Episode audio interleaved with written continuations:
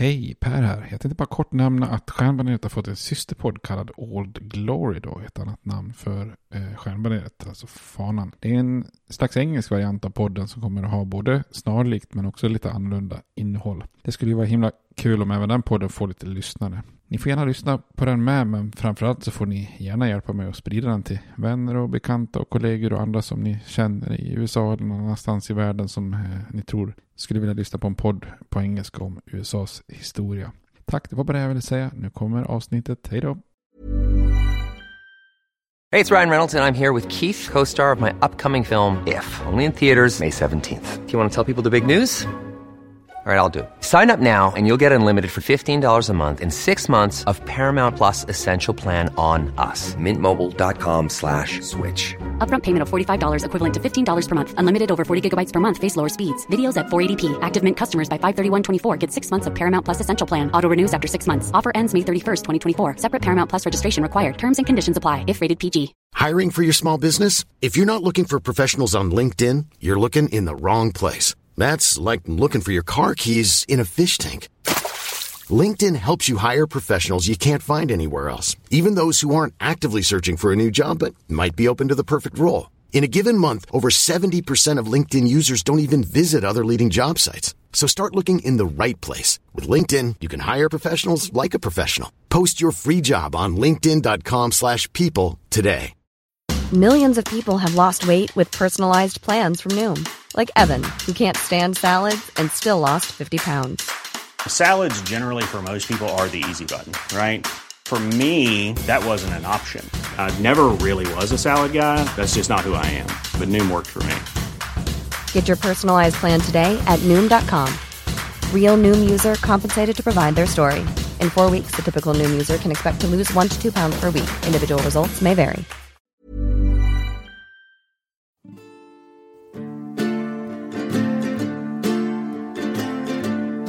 We hold these truths to be self-evident, that all men are created equal, that they are endowed by their Creator with certain unalienable rights, that among these are life, liberty, and the pursuit of happiness. Now we are engaged in a great civil war, testing that government of the people, by the people, for the people, shall not perish from the earth. And so, my fellow Americans, ask not what your country can do for you. Ask what you can do for your country.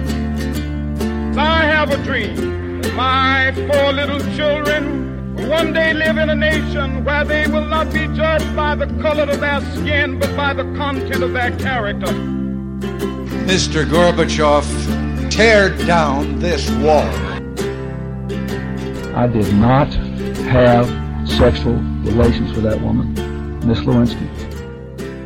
Hej och välkomna till Stjärnbaneret, en podcast om USAs historia med mig Per Fjärdingby. Det blev en liten ofrivillig paus här. Jag tackar för de mejl och förfrågningar som har undrat när det kommer ett avsnitt och så vidare. Det är ju så här, jag gör ju den här podden på min fritid och eh, med heltidsjobb och tre barn och lite andra åtaganden och hobbys eh, så kan det lätt bli att tiden inte finns helt enkelt. Och i de här tiderna så, så passade vi på i familjen att få covid en andra, en andra omgång. Så att eh, det har varit lite sjukdomar och annat också. Så att, eh, men eh, ni behöver inte oroa er. Det, podden kommer eh, ofta tillbaks. Även om jag ibland kanske behöver ta en, en paus. Så att eh, det kommer lite, kanske lite ryckigt ibland. Men ni får eh, helt enkelt se fram emot nya avsnitt eh, på sikt. Eller också får ni göra som några har gjort faktiskt. Lyft, lys, lyssna om på avsnitten om ni verkligen vill ha amerikansk historia här deluxe på något vis.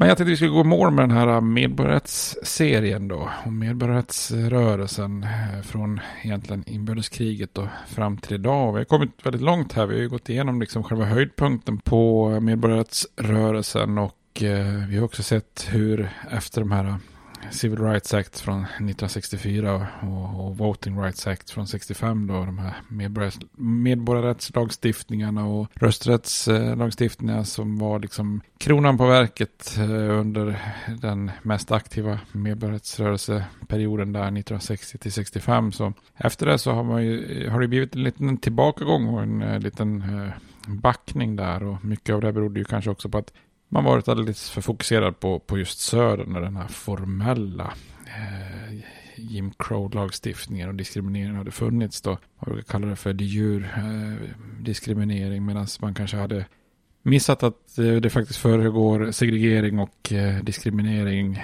de facto, alltså eh, i praktiken i, i hela USA. De eh, värsta ställena kanske till och med var vissa av de här innerstadsgettona i, i, i många av de större städerna i, i norr och i, i väster. Då. Och med en rad presidenter då från Nixon till Jimmy Carter till sen då Reagan och Bush så har det ju då blivit lite av en eh, konservativ revolution i, i politiken allmänt och som drabbar afroamerikaner ganska, ganska rejält som vi har sett i de här eh, senaste avsnitten där. Eh, vilket gör då att man kan på många sätt säga att om, om man kallar medborgarrättsrörelsen för den andra rekonstruktionen då med hänvisning till den första rekonstruktionen innan inbördeskriget så skulle man ju se att en av de största bristerna med den första rekonstruktionen var just det här med fattigdom och ekonomiska hinder och, och boendesegregering och så vidare. Och det är ju egentligen en repris på det efter den här medborgarrättsrörelsen på 60-talet också där just fattigdom och ekonomisk segregering eh, lever, lever kvar väldigt mycket även om man får rättigheter på, på andra kanter och andra håll och andra fronter då så att säga. Men vi ska jobba oss vidare här. Det blir näst sista avsnittet i den här serien och se lite grann hur vi, hur vi kommer vidare.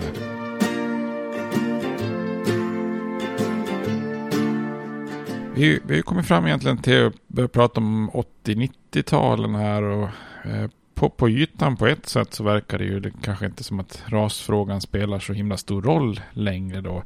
Eh, kanske mest om man då tittar på kultur och sport och sådär. Det finns ju väldigt många exempel på framgångsrika afroamerikaner i USA vid den här tiden då. Eh, det är ju liksom en, en era av ganska många afroamerikanska superstjärnor då. Eh, man tittar på Oprah Winfrey, Michael Jackson, Michael Jordan, Bill Cosby, Whitney Houston, Eddie Murphy och så vidare. Eh, och det är som att vita ändå börjar amerikaner börjar försona sig med att även afroamerikaner kan vara riktigt, riktigt framgångsrika då. Eh, och när man är bäst inom någonting då, som Michael Jordan inom basket till exempel, eller, eller, eller Michael Jackson och Whitney Houston inom, inom musik och så vidare, så, så spelar det inte så stor eh, roll då det här med, med ras. Eh, och många av de här afroamerikanerna bryter ju mycket av de barriärer som, som har funnits tidigare, så att säga.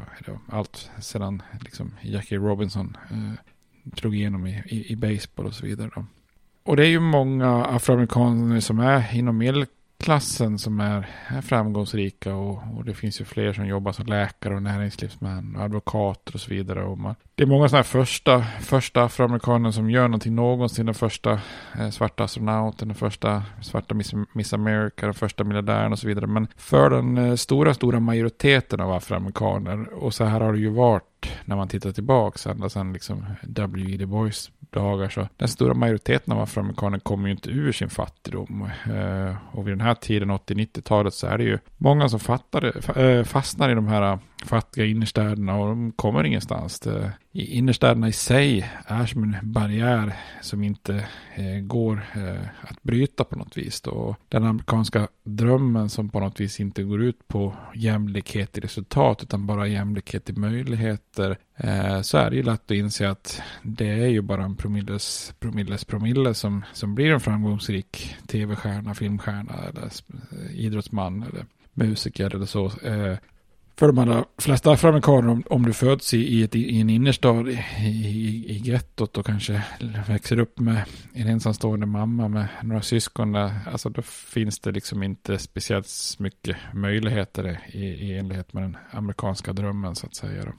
Och de här innerstäderna som många afroamerikaner fastnar i eh, blir ju på 80 och 90-talet, om de redan har varit lite, lite halvdana att bo i så blir de ju oftast fruktansvärda platser och det som driver på den här utvecklingen är ju oerhört mycket av droger och, och våld. Då. Och lyckas man liksom här, så att säga, värsta innerstadsgettorna, om man tittar, eh, stadsdelarna, då, om man tittar på New Yorks eh, South Bronx eller Compton i Los Angeles eller Chicago South Side eller Houstons Fifth Ward. Så, så där där är man ju inte framgångsrik genom att starta tv-shower eller eh, slå igenom som idrottsmän eller skådespelare. Utan, eh, där är det ju att sälja droger eh, som gäller då. Eh, för har man för, för, för, många unga afroamerikanska män i de här innerstäderna, där är ju liksom utbildning och lågbetalda jobb. Det, liksom nästan, det saknar mening, man kommer liksom ingen vart där. Så att eh, många väljer ju eh, drogförsäljning eftersom det ger så oändligt mycket, mycket mer pengar liksom, än, än, än vad trippla vanliga jobb eh, ger då i, i de här områdena.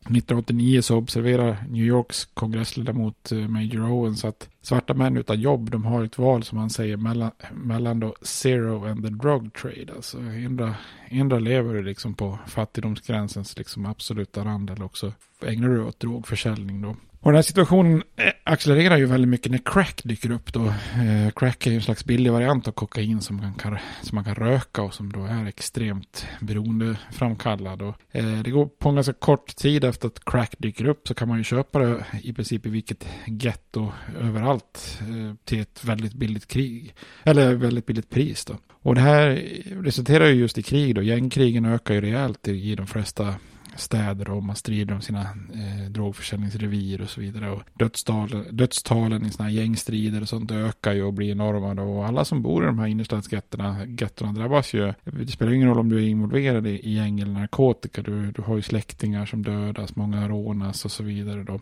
Det som ändå är lite anmärkningsvärt är ju att det också blir en väldigt eh, Eh, alltså, fördomsfulla rasistiska aspekt av crack. Då. Eh, crack är ju liksom inte bara, bara en drog allmänt liksom bland andra utan den blir ju väldigt synonym med just svarta och brottslighet. Då. Och just uppkomsten av crack blir ju liksom startskottet för myndigheten att starta det man kallar för eh, War on Drugs då. Eh, eller War on Crime också som har funnits eh, även tidigare. Men alltså att man försöker hamra in ett, ett budskap då om att crack och brott på något vis är kopplat till hudfärgen svart. Och det blir på något vis ett sätt att legitimera den här hårdare tagen inom, brotts, inom rättsväsende och polisen i det här kriget om, för, mot droger och rättfärdiga liksom det höga antalet eh, afroamerikaner på anstalterna. Vi pratade om det eh, i för något avsnitt sedan, det här med att afroamerikaner började successivt bli väldigt överrepresenterade på, på anstalterna. Då. Vi pratade lite om Angela Davis och de här eh, uppror på Attica och lite kvarlevor från det här Black Panther Party som, som engagerar sig för fångarnas eh, rättigheter. Då. Och det här med media som rapporterar det får ju väldigt eh, mycket effekter kring det här med crack då. Att man förenklar helt enkelt eh, komplicerade sociala, medicinska och, liksom, boendeproblem till att det egentligen bara handlar om, om brottslighet och, och afroamerikaner. Och då blir ju lösningen det här kriget mot droger. Och de här åtgärderna som man vidtar från myndigheter, det tar ju liksom inte riktigt hänsyn till de långsiktiga följderna och när krigsretoriken rättfärdigar ju och intensifierar metodiken eh, gör ju till exempel att dödsstraff, dödsstraffet fortsatt så förespråkas av, av väldigt många och allt fler. Och, och åtgärderna och lösningarna inom det här kriget mot droger tar ju heller inte hänsyn till till, till de långsiktiga konsekvenserna. Det, man kombinerar ju enorma höjningar av polisbudgeten med nya strafflagar som, som väldigt ensidigt påverkar afroamerikanska områden. Då. Man sätter liksom egentligen en hel rättsapparat i rörelse eh, för att kriminalisera afroamerikanska män som sysslar med crack och, och ger dem eh, högre straff för, för sånt som, som också vita eh, amerikaner gjorde. Ehm, och, och det, här, det är det här som är lite anmärkningsvärt då att crack och eh, vanligt vanligt pulverkokain de är ju egentligen kemiskt eh, identiska då. Eh, bara det att crack var billigare och vanligare i de fattiga svarta områdena och blir väldigt mycket förknippade med, med innerstadsgettorna istället för då vanligt pulverkokain som blir mer förknippat med, med andra amerikaner och andra kretsar och andra områden. Eh, och under de nya lagarna som man inför då så, så straffas crack eh, betydligt hårdare då. Eh, och då kan man ju tänka sig, ja okej, okay, är det så särskilt anmärkningsvärt att innehav och eh, försäljning av crack straffas lite hårdare än pulverkokain. Men det är ju det som är så otroligt konstigt, liksom att man då inför till exempel straffskalan 100 till 1 för, för crack och pulverkokain. Alltså du straffas lika hårt för innehav av 1 gram crack som du gör för att inneha 100 gram pulverkokain. Så vilket ju då saknar naturligtvis all egentlig logik då för två kemiskt identiska eh, preparat. Då. Så det är bara att smaka på det. 100 till rätt. Du straffas 100 gånger hårdare Eh, för att inneha eller sälja crack som det gör av pulverkokain då. Eh, och det här gör ju då att afroamerikaner får extremt mycket högre straff för brott som egentligen då är identiska med det som många vita amerikaner begår. Och, eh, det här gör ju också att svarta män har bra mycket högre sannolikhet att gripas med då, och, straffas för, för sitt crackförsäljning och innehav än vad vita har. Då. Så att det här genomförs ju då på något vis ett, ett system liksom, i rättsväsendet som gör en uppenbar rasskillnad. Då. Eh, och det här får ju naturligtvis ganska snabbt enorma följder. Då. Mellan bara åren 1983 till 1987 så ökar antalet afroamerikaner dömda för narkotikabrott med ungefär 2000 procent. Eh, det är alltså sex gånger ökningen för, fördömda vita amerikaner. Så vita och svarta använder droger i ungefär samma utsträckning när man jämför, men eh, den enorma skillnaden i hur, hur, hur svarta och vita sen då behandlas, det blir väldigt svårt att, att förklara på något, på något annat sätt än eh, via fördomar och rasism. Då. Och nivån av våld i innerstädernas getton ökar ju också då enormt. Alltså mordet per capita bland afroamerikaner var ju 17 gånger högre än för vita 1997. Och 49 procent av alla mordoffer är ju då afroamerikaner trots att man bara utgör 12 procent av befolkningen ungefär. Antalet mord bland unga afroamerikaner i åldern 14 till 17 tredubblas mellan åren 1979 till 93. Så att det är ju rätt så, är rätt så brutalt där då. Och den här implementeringen då, och det här kriget mot droger ledde, ledde naturligtvis till väldigt hårda tag från polisen och mycket polisvåld.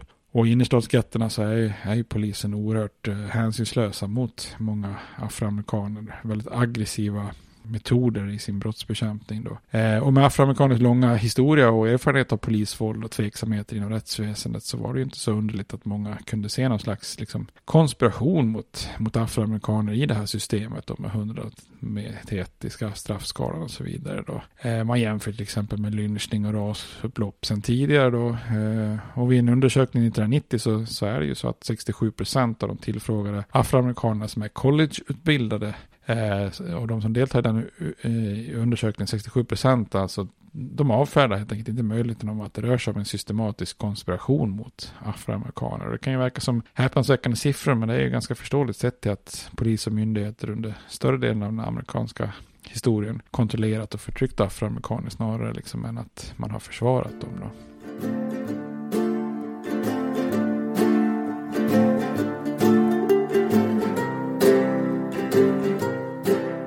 Under 80 och 90-talet under Reagan, Bush och även Clinton då som vi ser så får ju då afroamerikanska områden knappast några bättre skolor, bättre bostäder, några arbetsmarknadsåtgärder, vård, avvänjning eller liknande utan det man får egentligen i de här innerstäderna det är polisingripanden och, och, och längre straff då för, för, för brott som, som eh, delvis även vita begår. Eh, så det här skapar ju en form av känsla av de som bor i de här afroamerikanska kvarteren att de här innerstädernas getton, det är egentligen någon slags belägrade platser där, där polisen utgör någon slags ockupationsstyrka eh, i, i princip. Det, polisen står inte på, på, på deras sida utan det, det känns som att man är ockuperad. Och och vad som händer i de här innerstadsgetterna med polisvåld och så, det kunde ju ofta, ofta ske i tystnad utan, utan vittnen då, eller ja, inte utan vittnen då så att säga, men utan att vittnesmål når ut via media eller rapporteringen så att säga. Bor du, bor du i en välbärgad för, vit förort så känner du inte till vad som händer i de här innerstäderna då. Men afroamerikanerna själva i de här områdena vägrar ju vara tysta och,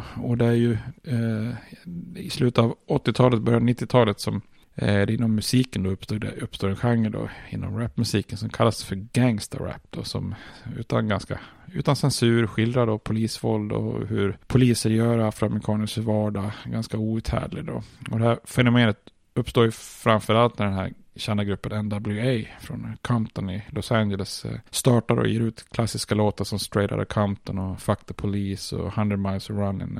Eh, eh, och det här finns faktiskt en film, nyligen gjordes en spelfilm, nej väl sådär, men som handlar om just NWA och uppstarten av gruppen. Och många av de här medlemmarna i den här rapgruppen då som Ice Cube och EZ och Dr. Dre är ju sen ut väldigt kända soloprojekt och bidrar ju sen i sin tur då till att andra artister som Tupac och Snoop och andra dyker upp upp då.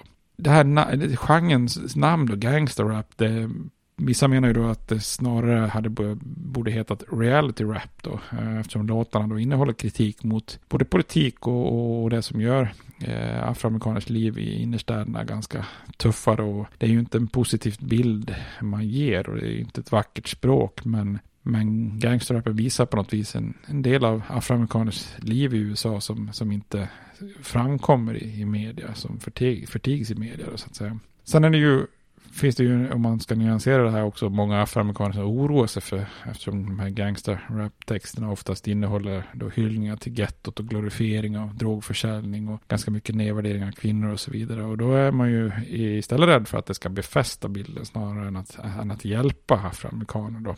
Eh, och det fanns liksom ingen motbild på något vis från, från gettot då. Eh, Vita amerikaner är ju, är ju naturligtvis eh, chockade och förfärade över den här musikstilen som uppstår. Då. Redan 1985 så införs en, en slags varningsdekal eh, inom musikindustrin som, som ska användas då med de här svartvita rektangulära texterna med parental advisory explicit eh, content, alltså en, sån, en liten varningssticker som sitter på skivorna då. En varning till föräldrarna att det kan innehålla extrem text och så vidare då även det blir lite fördomsfullt. För av någon väldigt konstig anledning så hamnar den här dekalen väldigt, väldigt ofta på rapartisternas omslag. Men väldigt sällan på, på rockartister och andra musikstilars eh, textskivor. Men jag är säker, säker på att ganska många av er som har sett en CD-skiva eh, från före så ser man den här lilla sticken. Den, eh, det är faktiskt eh, Al Gores fru Tipper Gore som var en av de absolut mest pådrivande faktiskt eh, inom det här, eh, den här debatten med, kring musiken och den här framtagandet av den här dekalen. Så att det finns ju också ett smeknamn för de här eh, dekalerna som heter Tipper Sticker. Så att det kan man komma ihåg. Tänka på Tipper Gore när man ser den här sitta fast på något gammalt skivomslag.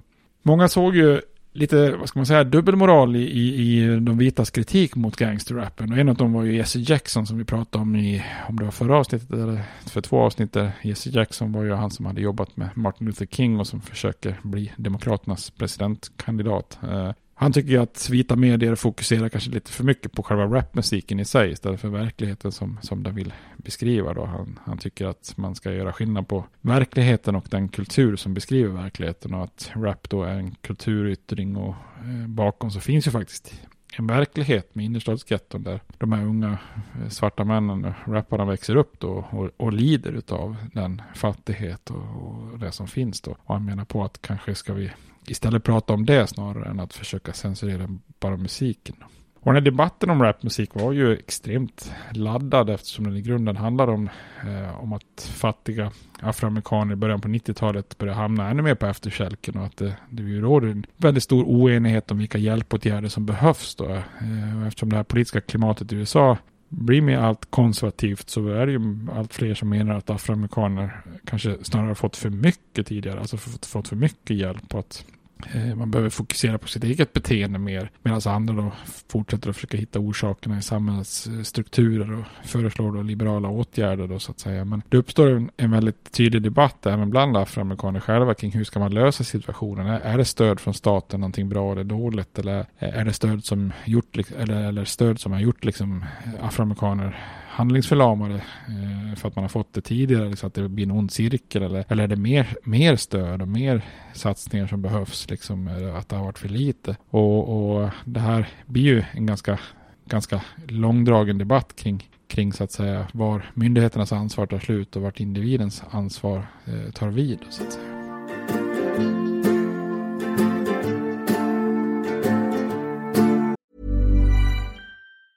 Hey, it's Ryan Reynolds, and I'm here with Keith, co star of my upcoming film, If, only in theaters, May 17th. Do you want to tell people the big news?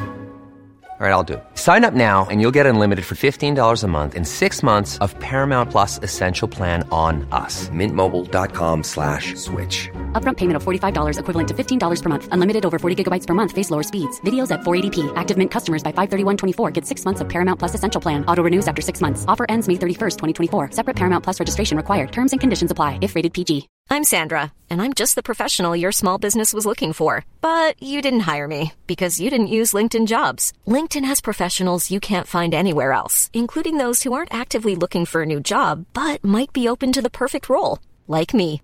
In a given month, over 70% of LinkedIn users don't visit other leading job sites. So if you're not looking on LinkedIn, you'll miss out on great candidates like Sandra. Start hiring professionals like a professional. Post your free job on linkedin.com/people slash people today.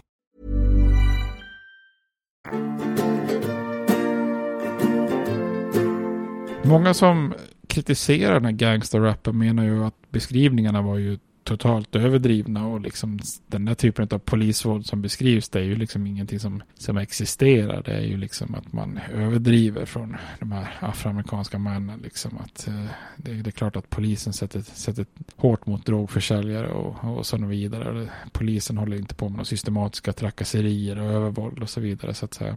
Men sen eh, kommer ju helt plötsligt då eh, en situation där USAs rasproblem eh, tydliggörs väldigt mycket då. Och det är ju den här kända misshandeln av Rodney King i Los Angeles eh, 1991 då. Och polisen i Los Angeles var ju bland afroamerikaner i, i LA var ju ökända för sin brutalitet mot, mot svarta då. Eh, och det var ju mycket det som NWA rappade om i, i, sin, i sina texter då, som var från Compton i, i, Los Angeles. Då. I mars 1991 så stannar ju fyra poliser en afroamerikansk man vid namn Rodney King då, eh, efter en liten kort biljakt. Och när de väl får ut King ur, ur, bilen så går de ju loss på honom med batonger och slår honom upprepade gånger. Och trots att han redan ligger på gatan och, och trots att han liksom inte är kapabel att göra minsta motståndet så bara fortsätter man ju att eh, hamra batongerna på honom då så att säga. Så att det slutar ju med att Rodney King misshandlas eh, grovt då. Och det här hade ju kunnat bli så att säga ytterligare bara en av många av de här händelserna som, som, eh, som till exempel rapmusiken försökte uppmärksamma. Men just den här gången så är det ju, lyckas ju då ett vittne fånga hela händelsen med en filmkamera. Och den här filmen då eh, skickas ju in till nyhetsbolagen och börjar ju då visas om och om och om igen på nyheterna då. Och helt plötsligt så finns ju bevisen då, det som hela tiden hävdats liksom utav afroamerikaner att polisen är väldigt brutala. Eh, det finns ju nu helt plötsligt svart på vitt uppenbart för, för alla att eh, att beskåda då så att säga. Och de flesta afroamerikaner förväntar sig ju att det här om något måste ju ge en reaktion då så att säga. Att man tar tag i problemet polisbrutalitet. Och, och man tänker sig kanske då att första steget naturligtvis borde vara en fällande dom mot de här fyra poliserna i, i, i den rättegång som följer. Då. Och den här videon på något vis visar ju två radikalt olika uppfattningar om förhållandet mellan svarta och polisen. Då, två helt skilda verkligheter. Då. En oskyldig svart man som, som misshandlas eller, eller poliser som så att säga gör vad som krävs för att hindra någon som, för, någon som honom att ta sig in i vita områden och, och, och begå brott.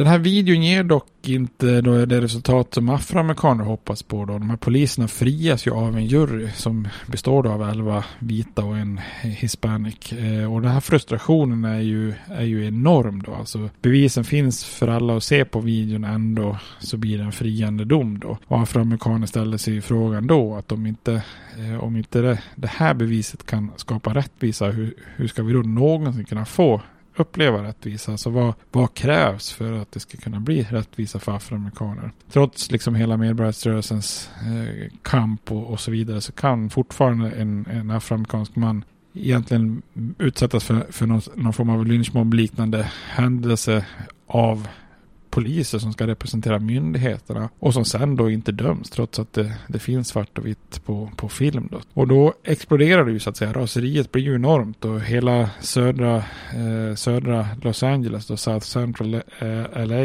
urartar ju eh, direkt efter den här domen då i ett väldigt våldsamt upplopp. och Det blir massa plundring och bränder och förstörelser. Och, eh, det är väldigt stora områden av bostadskvarter som, som helt förstörs. Då. Och det slutar ju med att 52 personer dör i samband med upploppen och runt, runt 4 000 arresteras. Och egendomar värt en halv miljard dollar förstörs då. Och det finns ju också otäcka tv-bilder från helikoptrar som filmar från luften som upprör många. Då. Ett, ett, ett känt exempel är ju det här tillfället när en oskyldig vit chaufför då släpas ut ur sitt fordon i en korsning och misshandlas brutalt. Trots att den är helt oskyldig så att säga. Eh, så att här, här blir det ju ett, ett av de största upploppen på, på länge då. Vi har ju pratat om ja, typ en miljard olika upplopp i den här podden eh, tidigare så att säga. Men förr var ju oftast rasupploppen att vita gick loss på, på svarta. Men från och med WhatsApp-upproret på, på många sätt på 60-talet så vänder det ju om att afroamerikaner som, som är desperata kanske förstör sina egna kvarter och så vidare.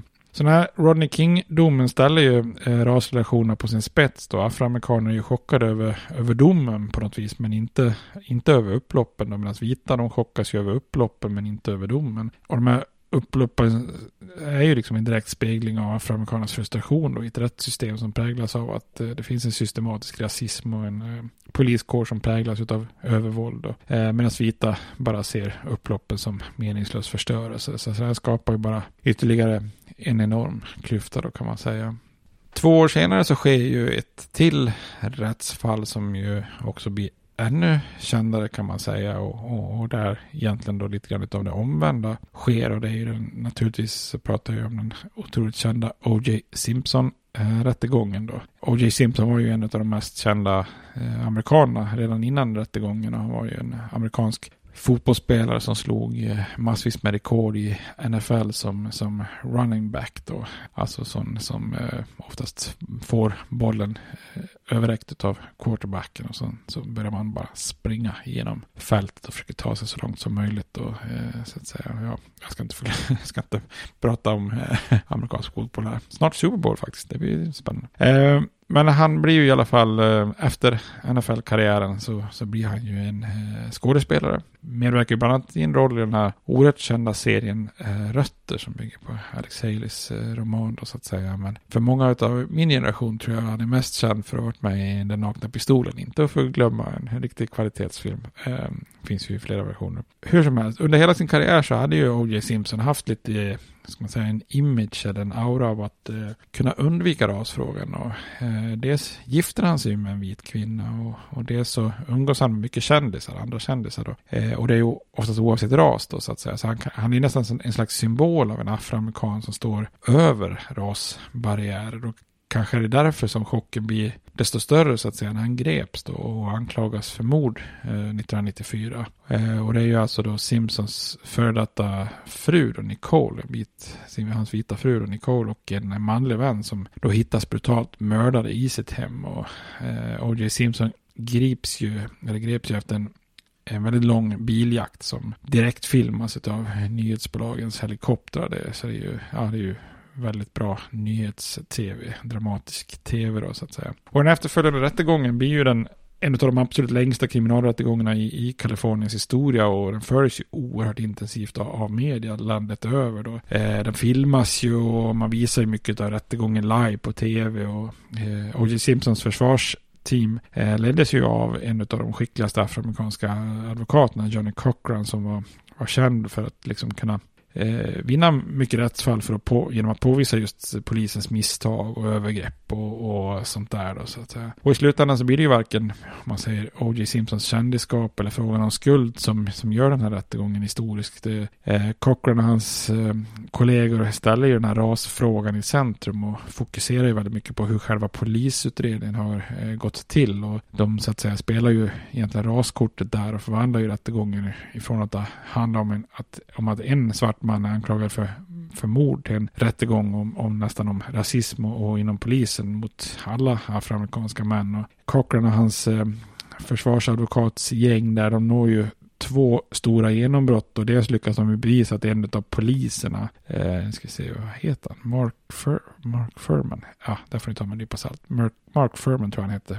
Eh, som jag har hittat eh, den här kända blodiga handsken som på brottsplatsen som, de, eh, som blir väldigt eh, centralt bevismaterial. Eh, den polisen har ju använt en massa rasistiska skällsord och pratat om att sätta dit folk och så vidare och till slut så väljer han göra att eh, eh sluta eh, prata i, i, eh, i rättegången då, plead the fifth som man säger då, utifrån Bill of Rights. Så det ses ju liksom lite grann som på, att det blir spiken i kistan på att den här rasismen existerar inom Los Angeles-polisen sen då. Eh, och ännu värre blir det ju sen också när, när O.J. Simpsons hand inte passar i den här handsken och så vidare. Och det står ju liksom det är ju inte bortom allt tvivel på att han skulle kunna varit skyldig, men de här grejerna räcker ju för att så tvivel om Simpsons skuld och, eh, och, och huruvida då en svart man överhuvudtaget kan få en rättvis utredning och, och rättegång. Då. Så, så ras och brott liksom har alltid på något vis en, en slags koppling i USA då. Och afroamerikaner ser ju inte en person i OJ, de ser i princip bilden av alla afroamerikanska män som har satts dit i orättvisa rättegångar i, i, genom historien då.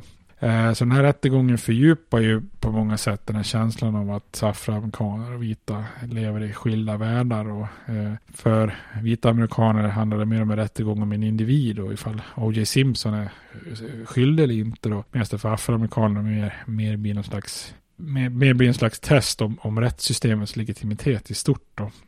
Eh, och bland afroamerikaner är det många som är övertygade om att polisen faktiskt försöker sätta dit Simpson medan många vita där tvärtom är övertygade om att han är skyldig till de här morden då. Och när domen ska förkunnas så håller ju hela USA andan då så att säga och det är ju inte så konstigt efter Rodney King-upproret liksom att vad, vad, vad, vad, kommer att hända ifall, ifall O.J. Simpson eh, förklaras skyldig. Men han förklaras ju icke skyldig då. Eh, och blir ju då för många afroamerikaner en slags eh, det blir en slags återupprättelse för en lång historia av, av rättsliga oförrätter. Då. Och för dem handlar det liksom om en, ett djupt orättvist system som i århundraden har kommit undan med lynchningar och misshandel och våldtäkter och mord. Men till slut har liksom systemet fått sin gräns. Det fanns helt enkelt ett tak då det kvittar att O.J. Simpson är stenrik och, och liksom advokater som Johnny Cochran är ju bara liksom en eh, det är ju bara något som de flesta afroamerikaner som, som eh, har med rättssystemet att göra bara kan drömma om och kunna anlita ett sånt dream team i försvaret så att säga. Men det spelar ingen roll. Poängen på något vis blir ändå till slut att systemet har ett tak för eh, afroamerikaner som där, där man faktiskt kan, kan få då enligt dem eh, Eh, rättvisa. Det finns ju jättemycket eh, dokumentärer om O.J. Simpson-rättegången som eh, är väl, väl värt att titta på. Det är ju oerhört spännande fall på många sätt och vis. Då. Är det inte objektivt kan man ju tycka. Jag, tycker att man tittar på de där att det, det, känns ju som att det faktiskt är så att han kanske mycket väl kan vara skyldig då så att säga. Och det här blir väl liksom på något vis en slags ja, men nästan perverst symptom på det här större problemet om den här djupt rotade eh, rasismen i USA. På, alltså på grund av att Eh, nationen misslyckas med att hantera sina rasistiska frågor då, under en sån lång period så, så kan det resultera i att en, en hel etnisk grupp gläds åt eh, en troligtvis eh, felaktig dom och säger att systemet var skyldiga dem helt enkelt det här i, som en slags återupprättelse. Eh, så att det, det, det, ser man liksom på något vis hur långt det kan gå om man lyfter upp sig en nivå.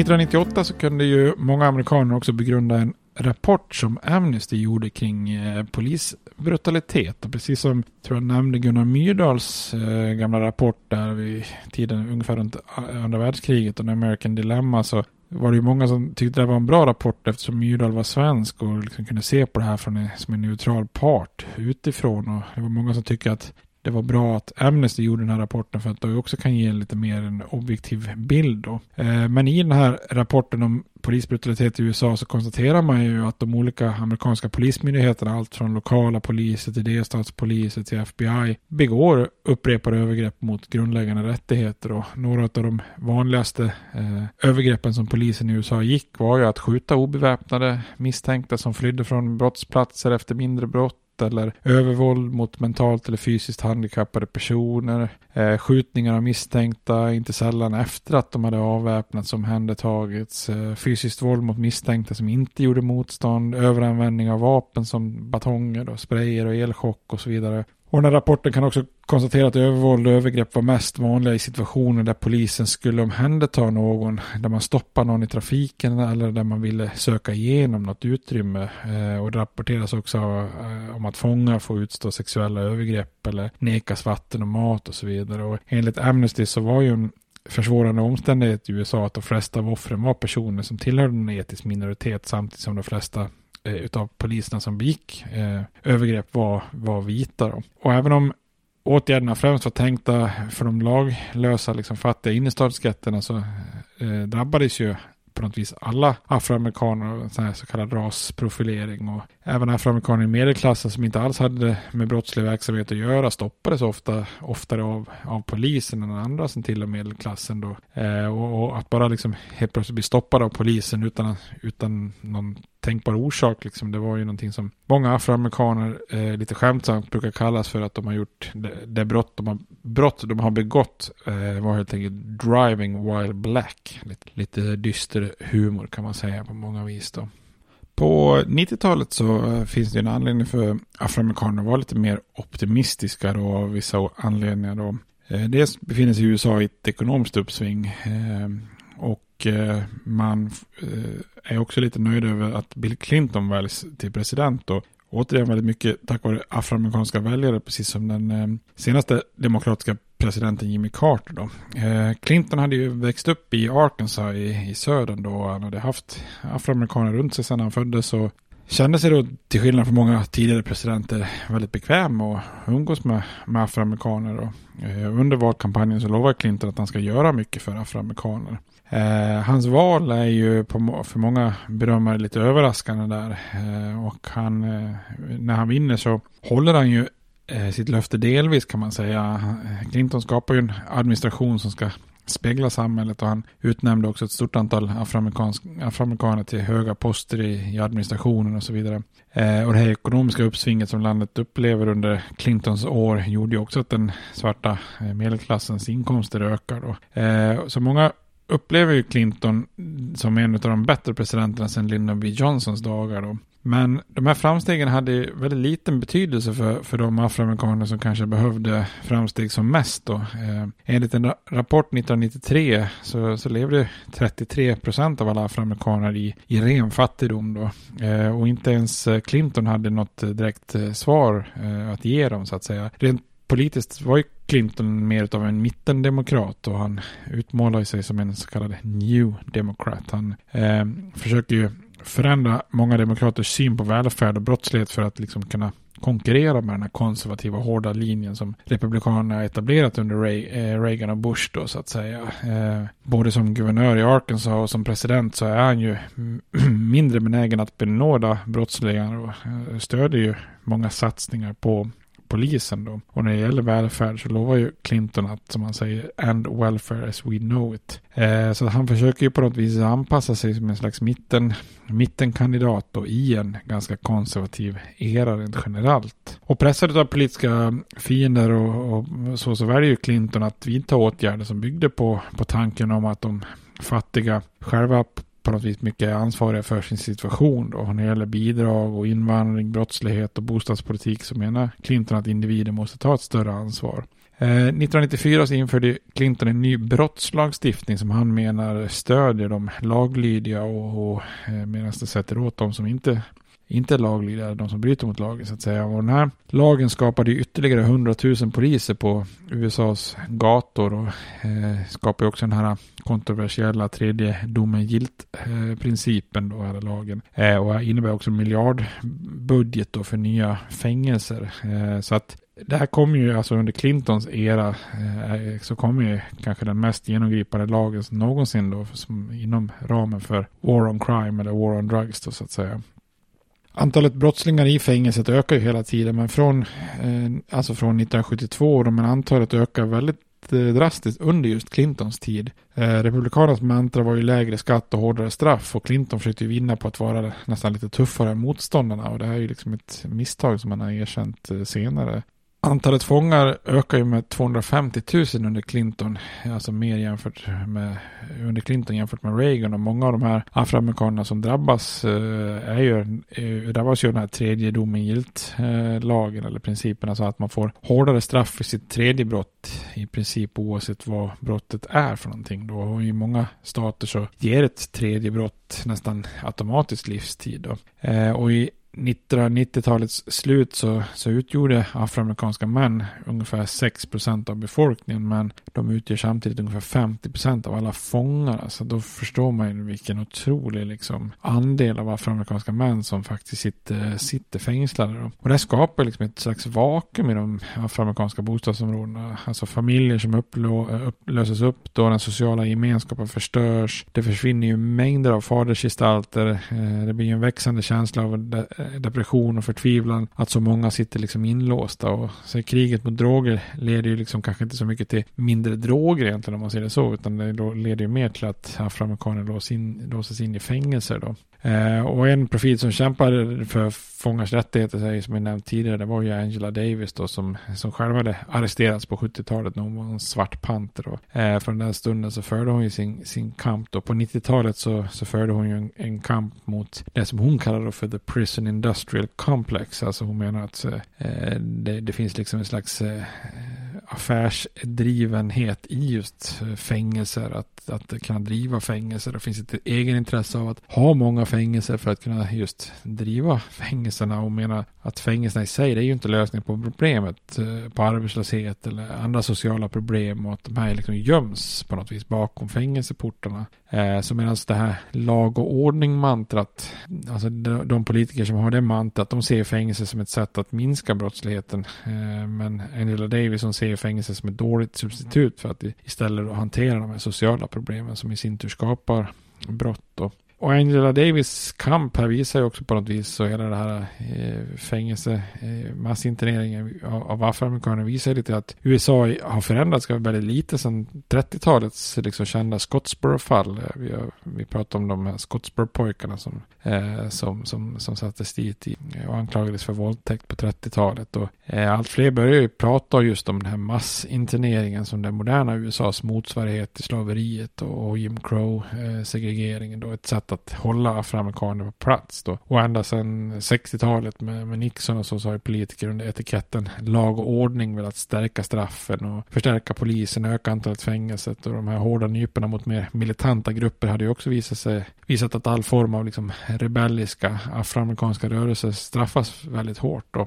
På den tiden som Angela Davis själv satt fängslad på 1970-talet så hade ju hon varit en av runt eh, 200 000 fångar i USAs fängelser. Eh, 20 år senare på 90-talet hade den här siffran ökat till en miljon fångar och det häpnadsväckande är på något vis att eh, på 90-talet så finns det en miljon fångar och i början på 2000-talet då så har det här fördubblats igen då till två miljoner fångar då. Eh, här kan man jämföra 70-talet med 2000-talet och från 200 000 till 2 miljoner då. Och USAs Fängelsepopulationen är ju sett till befolkningen proportionerligt väldigt, väldigt hög jämfört med många andra länder. Eh, och bland alla som sitter då så är ju afroamerikanska män väldigt, väldigt överrepresenterade. Sannolikheten att dömas till fängelse i, i rättsväsendet är ju betydligt, betydligt högre för unga afroamerikanska män. Då. Och idag är ju fängelsesystemet kanske den, nästan den tydligaste symbolen egentligen för USAs eh, rasproblematik då.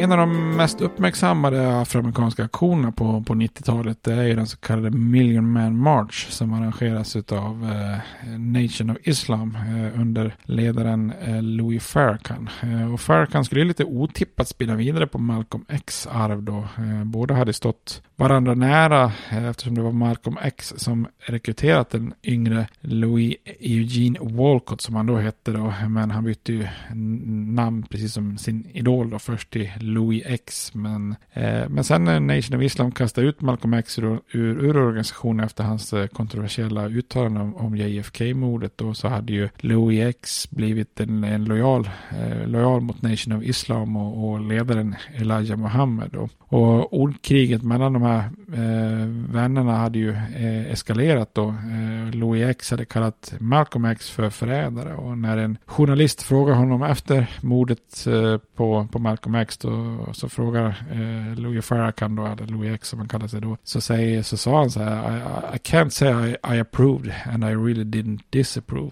När sen Elijah Muhammed, då, ledaren för Nation of Islam, eh, dör och hans son tar över och skapar en slags alternativ eh, eh, svart islamistisk organisation så bytte Louis namn till Farrakhan och, och återetablerade Nation of Islam. Och han drog till sig väldigt mycket uppmärksamhet genom sitt stöd av Jesse Jacksons presidentkampanj, presidentkampanj på 80-talet. Och han började agera lite grann som en talesperson för de lite mer militanta afroamerikanerna som känner frustration och ilska över sin situation. Och han var ju väldigt, eh, Louis Farrakhan är väldigt djupt engagerad i afroamerikaners kamp då så att säga. Och 1995 så tog Farrakhan eh, initiativet till Million Man March. Då. Eh, eventet som ägde rum då den 16 oktober 1995 samlade eh, så mycket eh, afroamerikanska män i Washington DC att det blev en av de absolut största Eh, svarta politiska manifestationer någonsin då, till och med större än den här marschen till Washington 1963 då, under medborgarrättsrörelsen där när, när, vad heter, Martin Luther King håller sitt I have a dream-tal. Sen är det ju såklart tveksamt om det kom, om det verkligen bokstavligt talat blev en miljon män som var med i marschen då, eller deltagare då så att säga.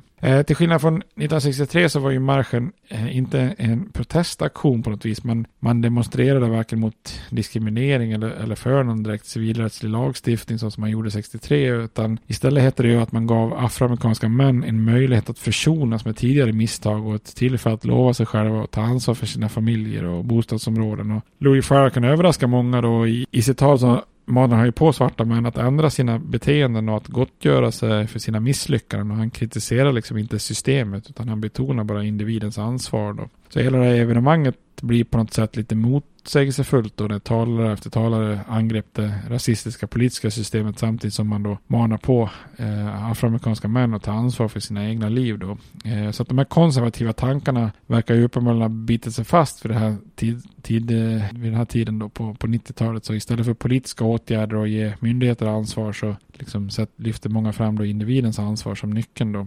Eh, så den här marschen blev ju väldigt tydlig på att framhäva den här centrala frågan som man framkarne stod inför som jag pratade lite om tidigare så bar man själv skulden till sina problem och handlar om, eller handlar om, liksom om strukturer som medborgarrättsrörelsen inte lyckats lösa då.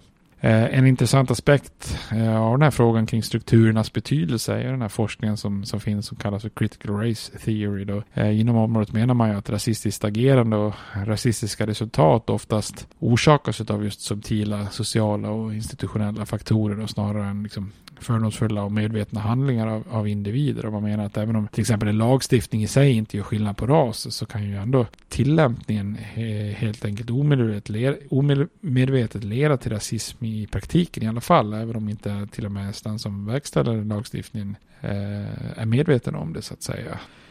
Men då har vi kommit fram till, eh, har avklarat 80 och 90-talen och vi ska göra det sista lilla hoppet på på fram till modern tid. Men som ni ser så, så finns det mycket, mycket röda trådar så att säga eh, i den amerikanska historien kring eh, afroamerikaners historia, och situation och medborgarrättsrörelsen. Då eh, finns liksom en röd, en röd tråd från slaveriet som jag tror man måste vara medveten om så att säga. Det finns röd tråd från slaveriets strukturer via det här convict lease-systemet när man hyrde ut fångar till massinternering som, som, som många menar är den nya typen av convict lease. Och, det finns en röd tråd från slaveriet till, inom rättssystemet. De är eh, afroamerikaner som är utstängda från jurytjänstgöring till de här Scottsboro-pojkarna på 30-talet fram till Rodney King och O.J. Simpson-rättegångarna. Eh, det finns en röd tråd från slaveriet med sanktionerat våld till de här eh, rasupploppen på 1800-talet, början av 1900-talet och vi pratar om det här enorma upploppet i Tulsa till exempel och lynchningar med polisens tillåtande ända fram till då polisvåld än idag då som, så, som är med röd tråd. Då. Så det är viktigt att förstå tror jag när man pratar prata till exempel om Black Lives Matter och George Floyd idag, att det, det är inte något som liksom afroamerikaner är upprörda över nu här, vad som har hänt de senaste 20 åren, utan vi pratar egentligen rent historiskt om strukturer som har funnits eh, i USA sedan 1619 när de första afrikanska slavarna kom till, till USA. Då. Men jag tänkte att vi skulle sno ihop säcken med medborgarrättsrörelsen i, i nästa avsnitt när vi ju faktiskt också kommer fram till till exempel till landets första afroamerikanska president i form av Barack Obama. Men tills dess så får ni ha det bra. Hej då! States like these and their terrorist allies constitute an axis of evil. And if the hippies and the yippies and the disruptors of the systems that Washington and Lincoln as presidents brought forth in this country will shut up and work within our free system of government, I will lower my voice.